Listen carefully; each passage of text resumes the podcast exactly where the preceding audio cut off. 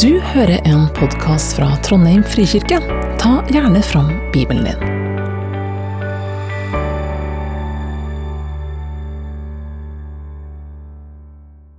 Jeg starter i første Mosebok, kapittel 2, vers 1-3. Så var himmelen og jorden fullført med hele sin hær. Den sjuende dagen fullførte Gud det arbeidet han hadde gjort, og den sjuende dagen hvilte han fra hele det arbeidet han hadde gjort. Gud velsignet den sjuende dagen og helliget den. For den dagen hvilte han fra hele sitt arbeid, det som Gud hadde gjort da han skapte. Så leser vi videre fra andre Mosebok, kapittel 20, vers 8-11. Husk sabbatsdagen og hold den hellig. Seks dager skal du arbeide og gjøre all din gjerning, men den sjuende dagen er sabbat for Herren din Gud. Da skal du ikke gjøre noe arbeid, verken du eller din sønn eller din datter, verken slaven eller slavekvinnen din, verken buskapen din eller innflytteren som bor i byene dine. For på seks dager laget Herren himmelen og jorden, havet og alt som er i dem. Men den sjuende dagen hvilte han. Derfor velsignet Herren sabbatsdagen og helliget den. Ja, som nevnt så er det siste gudstjenesta preika her i Trondheim frikirke for meg som ansatt. Eh, litt rart, eh, litt vemodig, litt eh, greit. Jeg fyller jo 70 år til høsten. Eh, ja, så noen vantro eh, blikk her nede, men det er faktisk eh, sant. uh, så uh, alt har sin tid, står det i Bibelen, og det har sin tid. Vi, ja, jeg skal komme opp igjen i mai, så det har blitt litt mer kanskje fokus på det. Men uh, når en blir 70 år, da blir en jo litt sånn nostalgisk. Eh, det vet dere som eh, er litt sånn oppi åra. Nå var ikke alt bedre før, jeg skal innrømme det, men det meste var jo bedre enn det er nå. Eh, og En av de tingene som jeg har blitt litt nostalgisk for, er jo dette med minner om søndagen i eh, min oppvekst. Da var nok samfunnet annerledes. Alt var på en måte Ja, alt var rolig, alt var helg på en søndag. Og for meg i den familien jeg vokste opp i, så var det en annerledes dag. Det var kjøtt eller kjøttkake til middag. Det var dessert eh, på søndag. Det var det aldri ellers. Eh, Foreldrene mine de, eh, hadde på seg finere klær eh, på søndagen. Eh, det var selvsagt gudstjeneste. Eh, det var dagen for kaffebesøk på ettermiddagen med venner.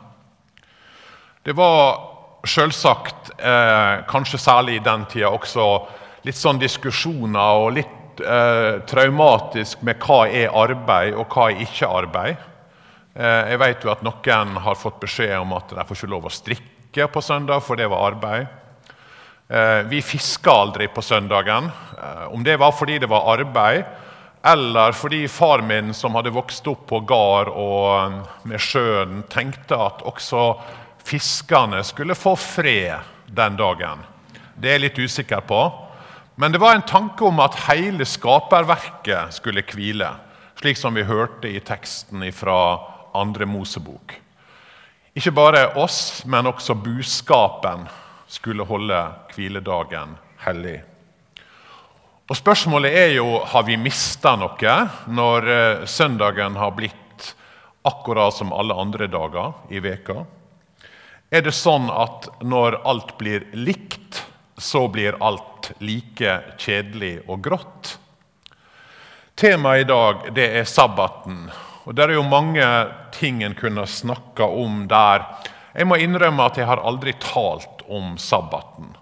Og Det angrer jeg litt på nå da, når karrieren er slutt, at jeg ikke gjorde det. fordi mens jeg har jobba med dette, så har jeg egentlig oppdaga mange spennende vinklinger og tanker.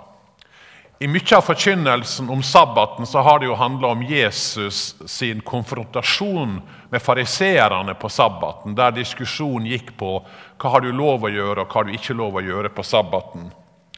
Men jeg tror det er et ganske dårlig og feil utgangspunkt for å forstå hva handler egentlig hviledagen om.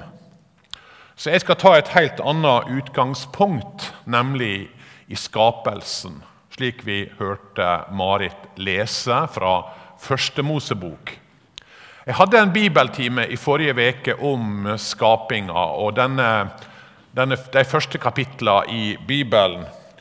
Og Da leste vi om hvordan når Gud begynte skapergjerninga si, så står det at det var mørkt, og det var tomt, og det var øde. Gud begynte på en måte i en situasjon som var ubeboelig for oss mennesker. Alt var vilt, ufruktbart. Alt var ubeboelig og mørkt. Så hva gjør Gud? Jo, han sier det blir lys.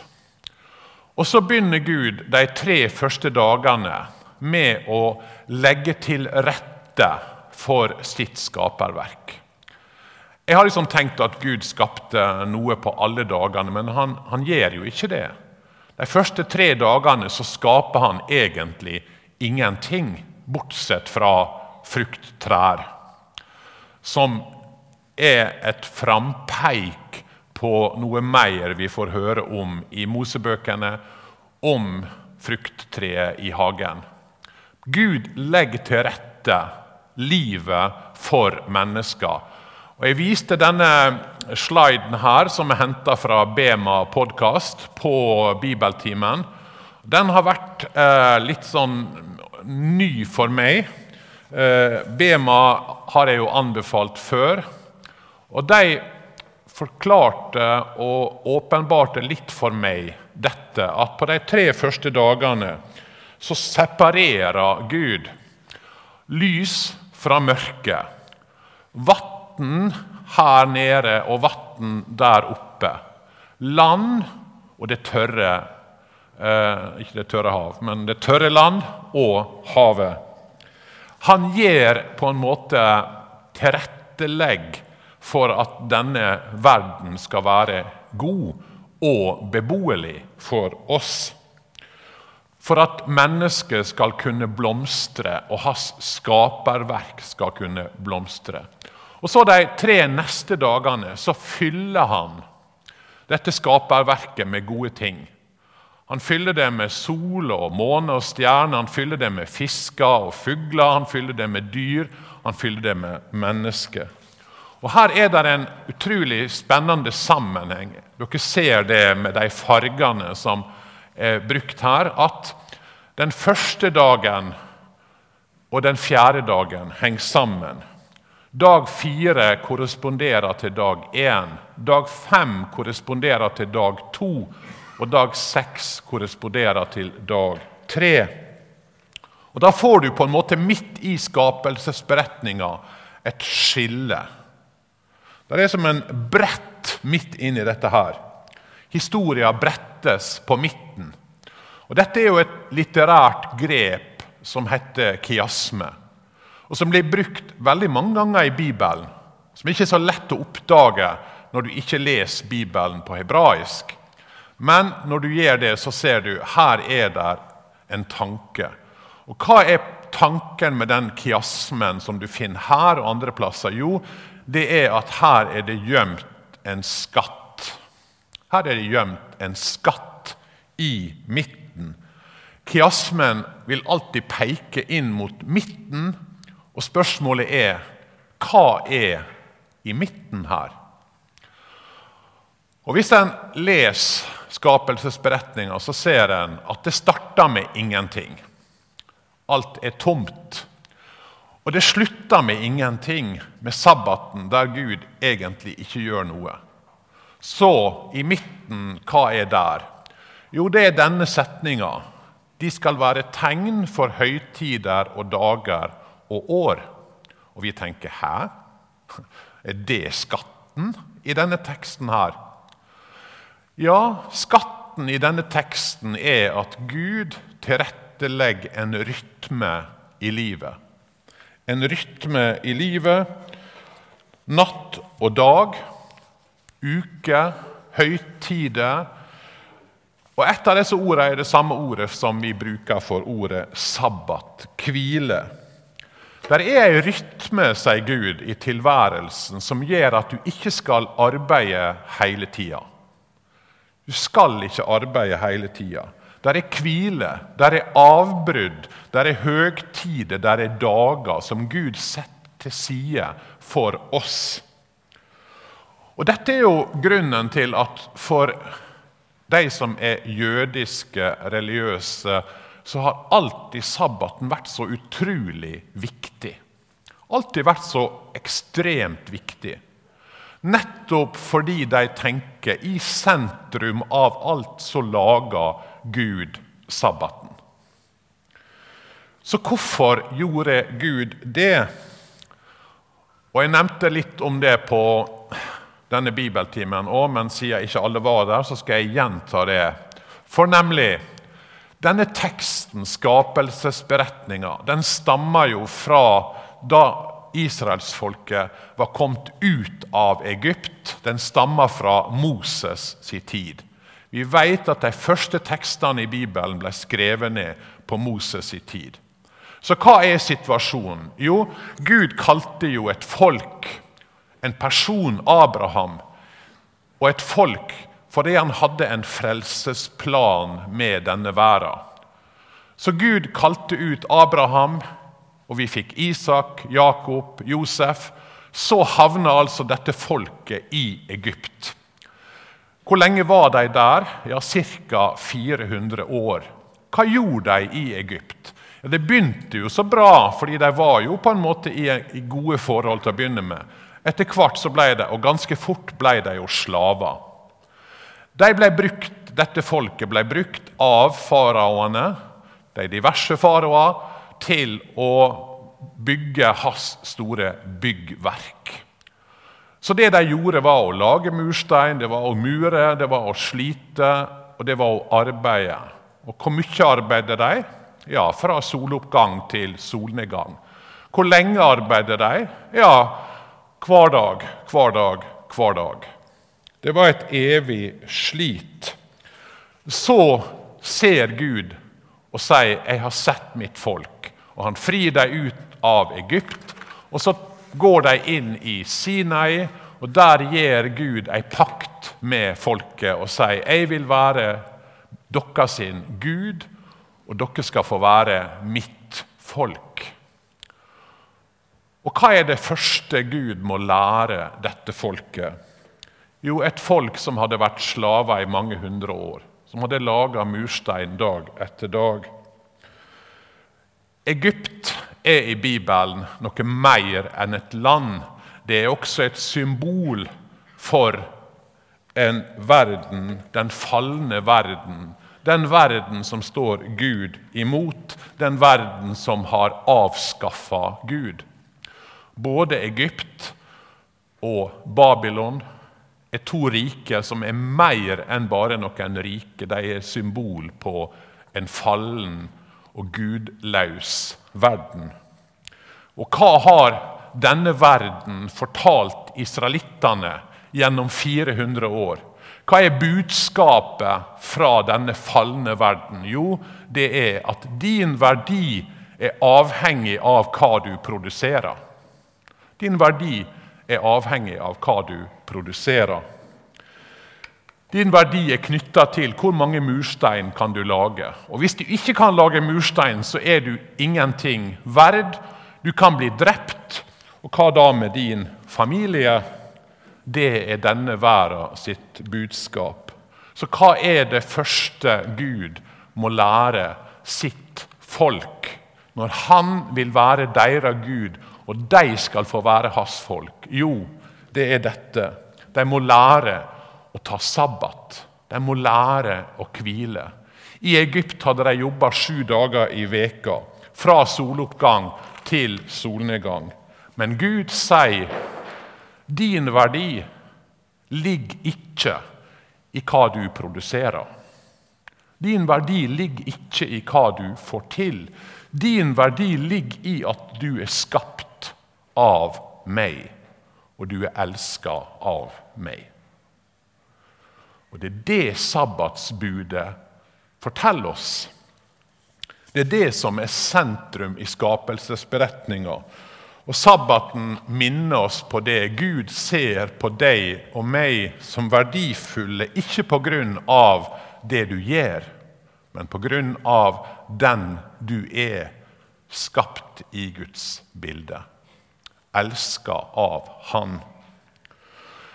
Jeg vet ikke om dere legger merke til det, men når dere har lest skapelsesberetninga, så står det Gud så at det var godt. Det gjorde han på første dagen.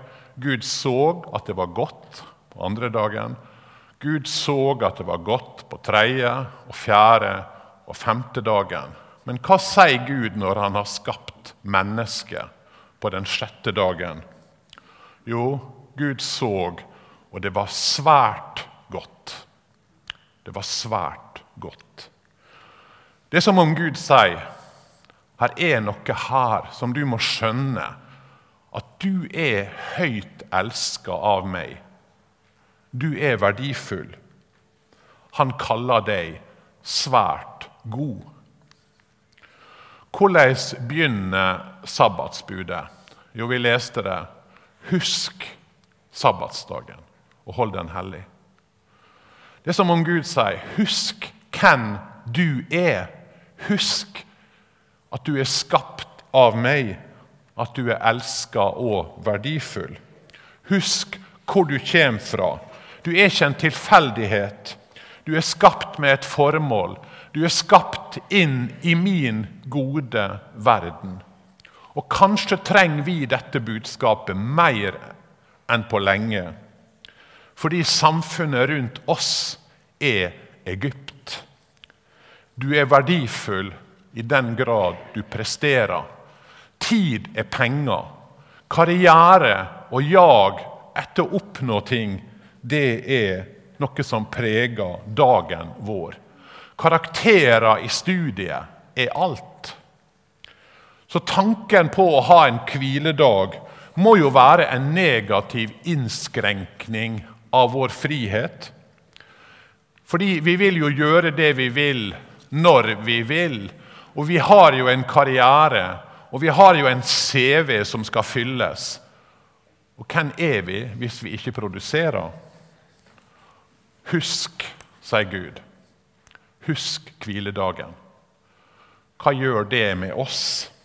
Det skaper et rom og ei tid som åpner for andre verdier, for andre perspektiv som vi trenger i ei stressa tid. Der er en professor og adventist som heter Samuel eh, Baccuccini.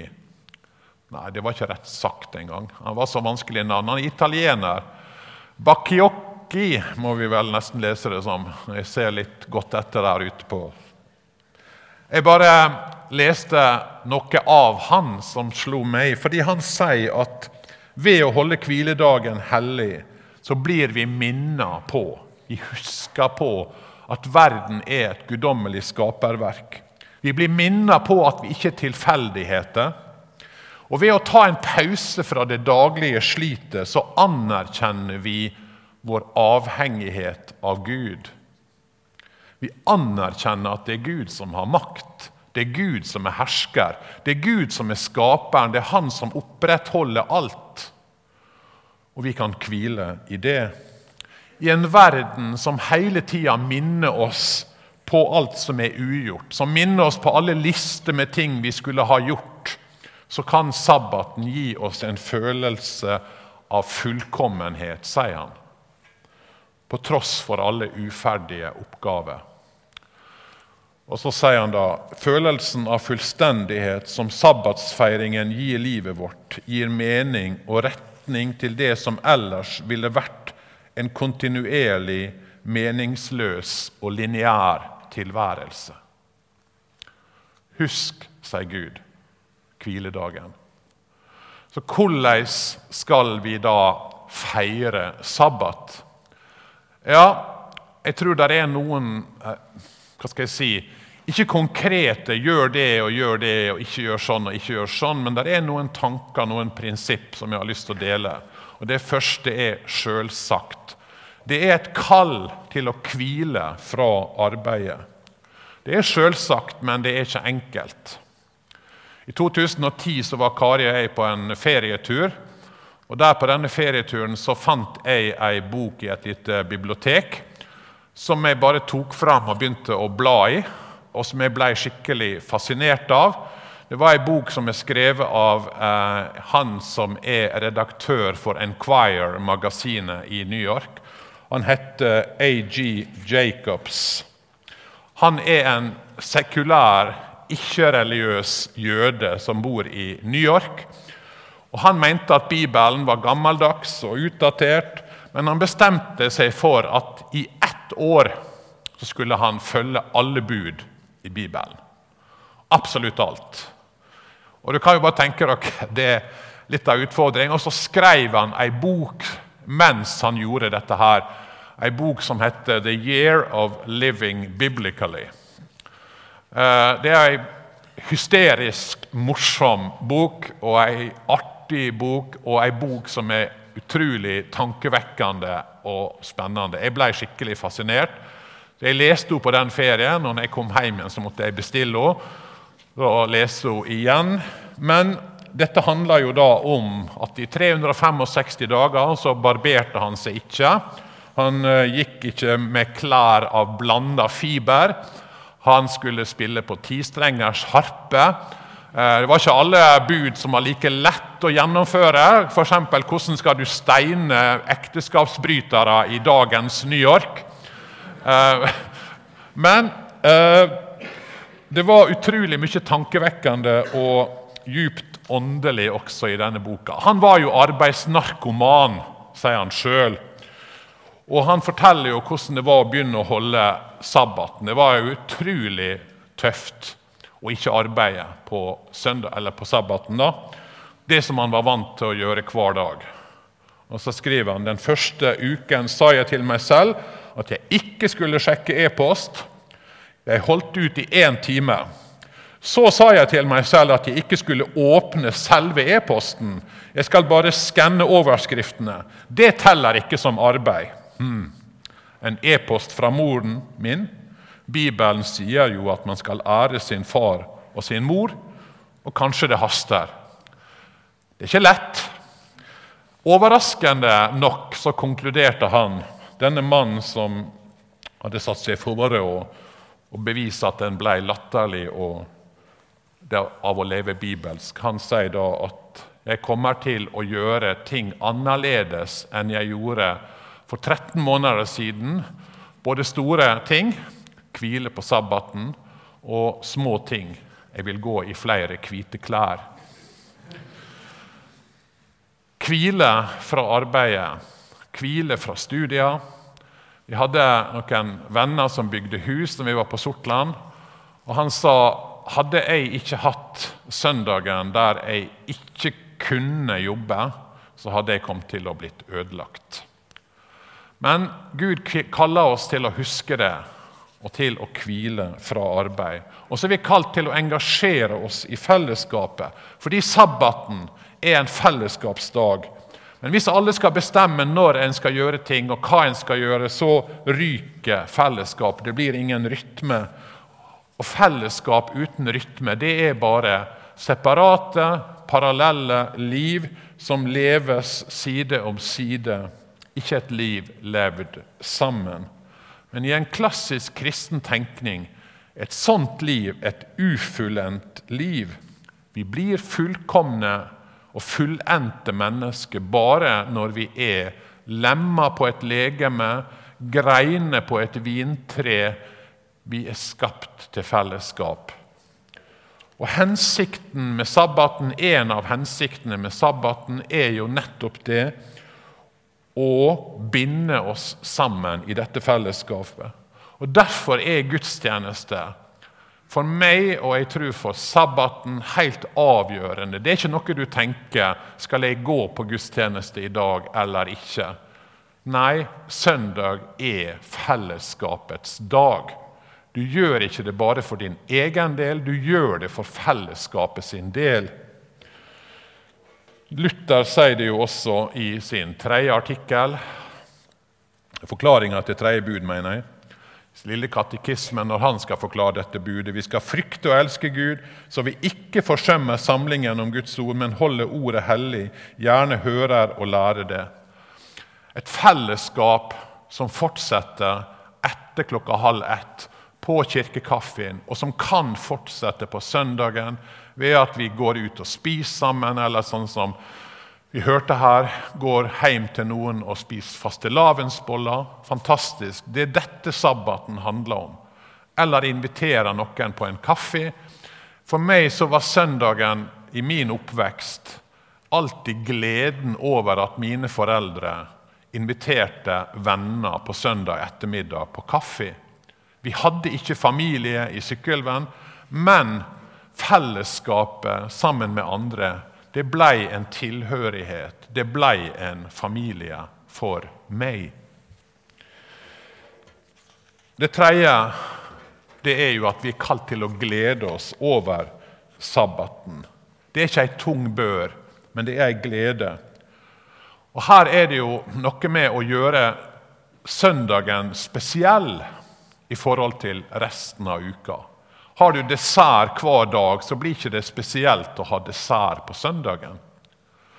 Jeg tror vi er godt av å tenke at vi kan gjøre forskjell. Fordi verden bombarderer jo oss med at du skal nyte hele tida, prestere hele tida, yte hele tida. Og Gud sier nei, jeg har satt til side én dag. Både for å la være å arbeide, men også for å glede seg over alt det gode er Gud har gjort. Kulturen rundt oss vil jo ha oss til å leve i Egypt og i Babylon. Eh, opptatt av å være travelt, opptatt prestere. Inn i dette kommer altså Gud og sier jeg har satt til side dager, høytider. Jeg har satt til side noe som er annerledes, der vi kan glede oss over fruktene av Guds gode skaperverk. Glede oss over fellesskapet med andre. Glede oss over det naturen Gud har gitt oss. Gå på skitur på søndag. Kjenne på gleden av å være ute i naturen. Eller gleden av å spille sjakk. Eller de hobbyene som kan gi oss eh, påfyll til livet. Lese, meditere. Takke Han som gir oss alt dette gode. Og så er vi også kalt til å delta i gjenopprettelsen av denne verden som Gud holder på med, og som Jesus begynte på når han kom hit til jord. For Legg merke til hva Jesus gjorde på sabbaten som skapte konflikter. Jo, det var at han gjorde gode gjerninger. Han helbreda syke. Og Det var ikke uten grunn at Jesus gjorde dette på sabbaten. For jeg tror han ville vise at han var kommet for å gjenopprette Guds skaperverk, det som var ødelagt. Og Vi hørte sist søndag denne teksten fra synagogen eh, på sabbaten, der han siterer Jesaja og sier at han er kommet for å forkynne et godt budskap for fattige Gud har sendt meg for å rope ut at fanger skal få frihet og blinde få syn igjen, for å sette undertrykte fri og rope ut et nådens år fra Herren. Sabbaten er en dag da vi blir minnet, da vi skal huske at vi er en del av dette. Guds plan for å gjenopprette sitt skaperverk. Kanskje ved å besøke noen som er syke denne dagen. Kanskje invitere noen som er ensomme, på kaffe denne dagen. Kanskje dele raust når du får sjansen til å ofre under gudstjenester. Sabbaten er altså med på å gi livet vært en følelse av fullstendighet, av retning og mening, fordi den dagen den peker ut over seg sjøl og sett våre liv inn i en større sammenheng, inn i Guds verden. I Johannesevangeliet så leser vi om det første tegnet Jesus gjorde. Det var når han gjorde vann til vin i bryllupet i Kana. Det var det første tegnet han gjorde. Og Så leser vi i kapittel 4 at Jesus helbreder sønnen til den kongelige embetsmann. Og så står det at dette var Jesu andre tegn som han gjorde da han kom fra Judea til Galilea. Og så skriver ikke Johannes at uh, den sjuke ved Betesta var Jesu tredje tegn. Og vi slutta jo å telle. Hvor mange tegn gjorde Jesus ifølge Johannes evangeliet? Vi aner ikke, fordi vi teller ikke.